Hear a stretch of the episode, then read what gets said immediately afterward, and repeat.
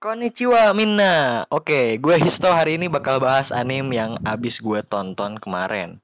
Tapi sebelumnya gue pengen kita doa bareng buat saudara yang kena Saudara-saudara kita yang kena banjir di NTT So, gas aja. Jangan lama-lama, tinggal langsung dengerin aja.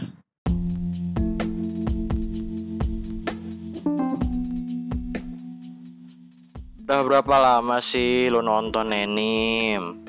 Dari waktu itu udah berapa anim yang udah lu tonton sampai tamat? Jangan-jangan cuma Boruto sama One Piece doang yang udah lu tonton. Kalau belum nonton, mungkin ini saatnya lo menjelajah lebih jauh biar status wibs lo makin OP lah. Yo guys.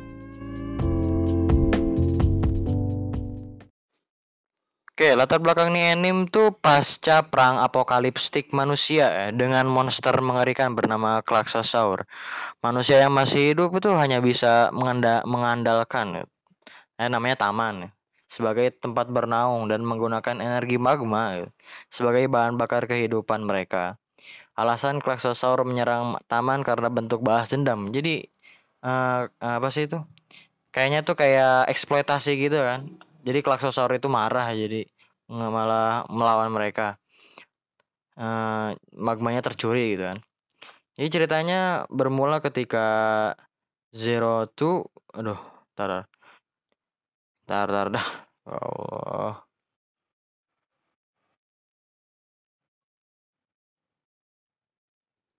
Ya ceritanya bermula ketika Zero Two ya nama orang nih Zero Two itu namanya orang wanita iblis yang mempunyai fisik seperti manusia dipindah tugaskan dari garda terdepan menjadi pelindung suatu tempat perlindungan yang disebut Taman 13.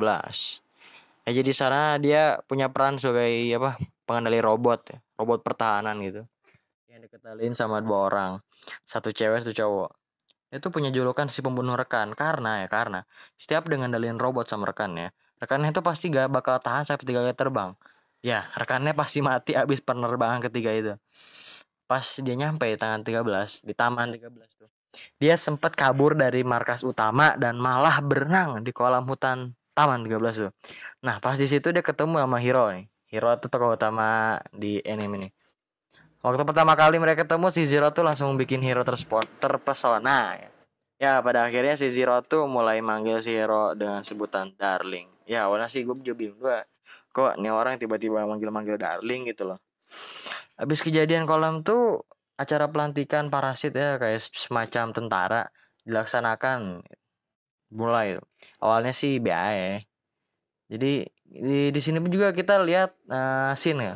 Ternyata hero tuh ya bukan hero segalanya hero gitu. Dia tuh ternyata gagal kandidat yang gagal gitu. Nggak jadi dia cuma jadi ya bisa dibilang sampah lah kalau lu nonton Naruto tuh mungkin ya dia gagal ujian itu gagal ujian gagal sama rekannya Naomi namanya. Tapi dia gak terlalu penting sih. Ya gak lama dari acara pelantikan tuh kabar buruk terjadi brad. Klaxosaur berukuran sedang mulai menyerang Tama 13 ya pokoknya pertempuran gak bisa dihindari lah. Pas semuanya putus asa datang tuh robot apa sih robot petarung khusus. Namanya Sterilizia Wah pokoknya OP lah. Berantem tuh kan Klaxosaur sama tuh robot ya. Ya namanya pahlawan sih pasti kena sial juga. Raksasor mampu membuat Stelazia terkapar wanjay dalam beberapa serangan. Nahas banget sih bener. Nahas banget. Di sinilah peran hero. Asli hero itu kayak apa ya kembali keadaan gitu loh. Yang jarak dia kan hero sama Stelazia tuh deket ya. Dia bisa lihat bisa tuh siapa aja pilotnya tuh. Ternyata nah, yang jadi pilot tuh si Zero tuh yang yang baru dia ketemu tadi sama satu orang laki-laki yang udah kelihatan tewas lah. Hero yang saat itu melihat Zero tuh langsung gas, eh, langsung gas, samperin lah dan nyamperin Zero tuh. Oke guys, guys, yuk. Oke, ini dialog yang rada-rada lumayan gitu. Wah, dia sudah tewas, tanya Hero. Ya, mau bagaimana lagi? Eh, coto mate, coto mate. Tunggu, tunggu. Kamu mau memakai robot ini sendirian? Hah, bukankah aku dari dulu selalu sendirian? Atau kamu mau menemaniku, darling? Sampai berpikir dan mempersiapkan bacotan lainnya. Oke. Aku selalu sendirian. Tanpa ini, Aku tak bisa apa-apa. Tak ada bedanya dengan orang mati. Karena itulah. Karena itulah.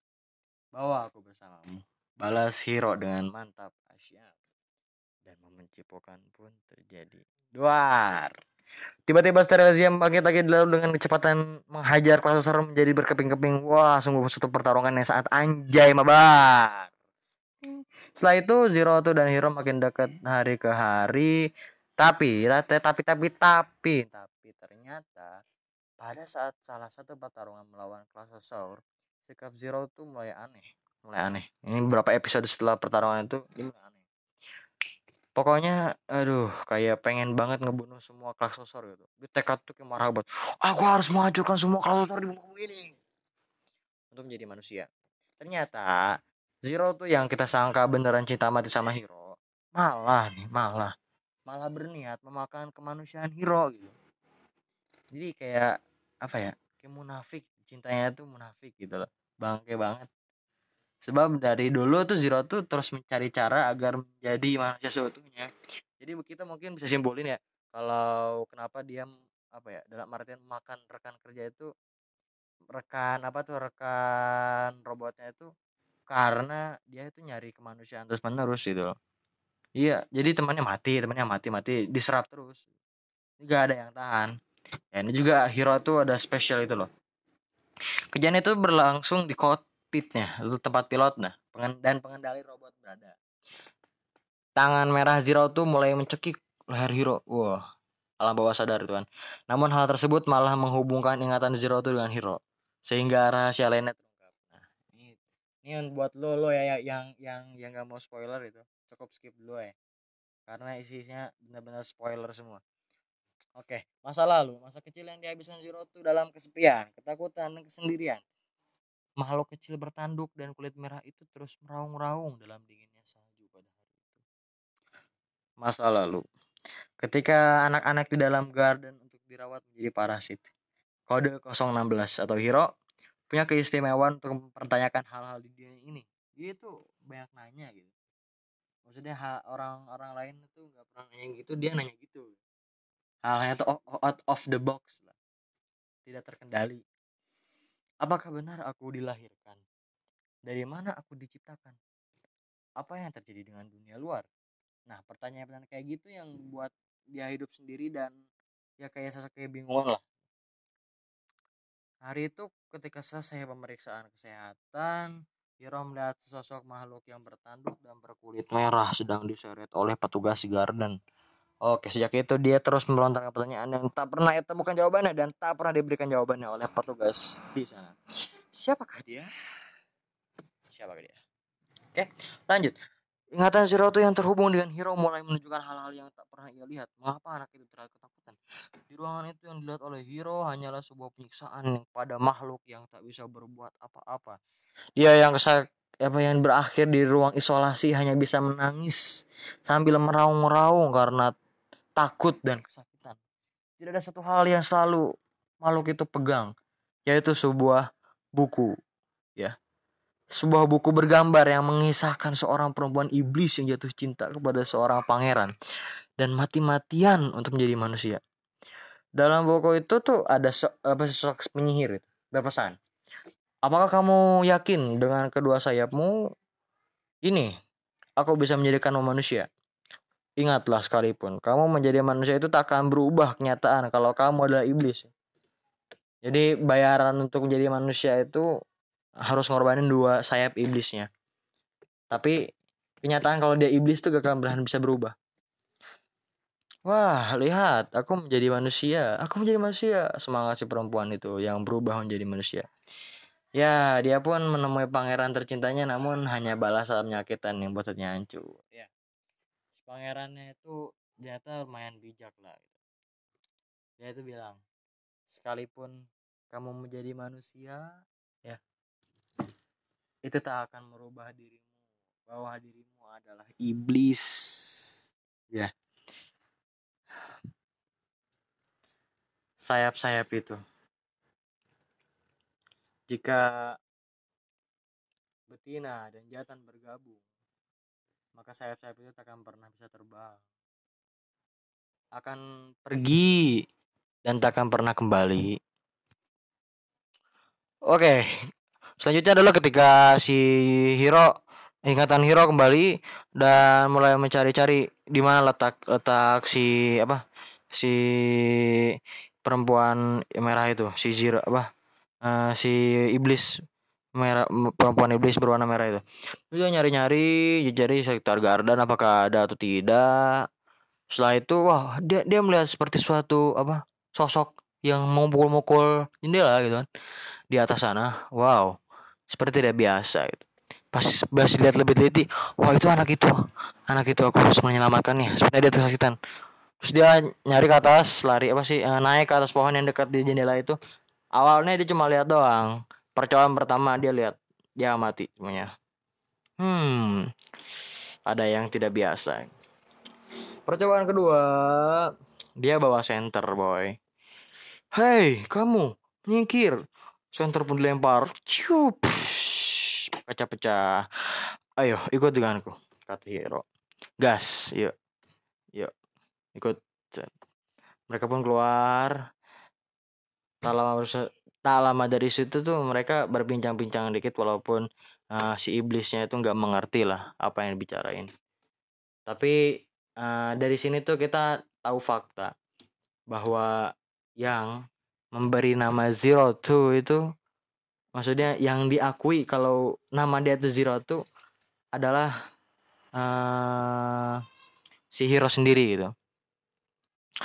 Mereka berdua jalan-jalan terus, jalan jalan-jalan mencari apa? Mencari perlindungan, pergi dari pengejaran. Uh, di tempat itu tuh uh, mereka bertemu dengan suatu pohon yang sedikit sakral uh, mereka mengucapkan janji untuk selalu bersama dan tidak akan terpisahkan. Itu janji mereka. Ya walaupun ya seperti ke anak-anak cuma janji itu pada akhirnya harus tepat ya. Ya, benar. Habis itu habis semua kejadian itu habis mimpi-mimpi itu semuanya semuanya udah jelas, semuanya itu gak ada yang sembunyi lagi. Ya. Zero tuh yang seharusnya mendapatkan kemanusiaannya Hero malah menyesal. Ternyata kamu adalah anak yang saat itu. Kenapa Hira bisa tidak tahu siapa yang apa? Kenapa bisa tidak tahu ataupun tidak mengingat siapa Zero tuh? Karena pada hari itu mereka tertangkap dan dihapus ingatannya. Tapi tapi tapi tapi Zero tuh tidak pernah kehilangan ingatan itu. Ya, nggak pernah ya. Dia nggak pernah kehilangan ingatan itu hero yang kehilangan aduh tragis oke semua pertolongan itu akhirnya kita mencapai kita mencapai pada akhirnya gitu uh, senjata ada senjata yang spesial banget yang hanya bisa dipakai oleh uh, ras Klaxosaur dan ini adalah fakta fakta.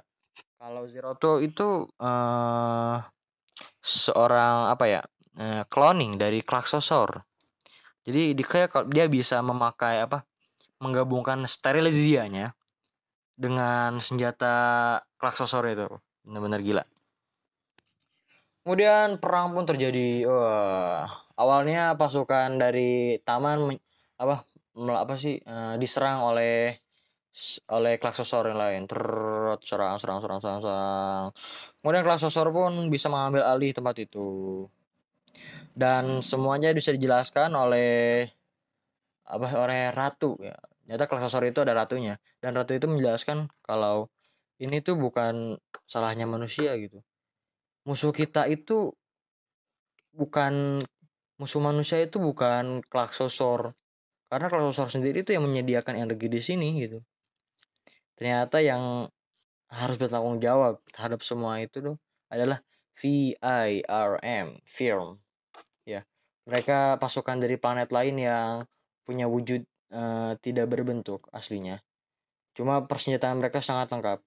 Dan peperangan kedua pun terjadi ketika pihak Laksosorum yang sudah menguasai pertamanan itu pertaman ya. Taman-taman itu uh dan serang apa dari udara pun ada serangan lain. Ada yang berjatuhan monster-monster berwarna ungu Laksosorum melawan apa pasukan Firm uh, serangan armada armada udara. Wow gila gila gila.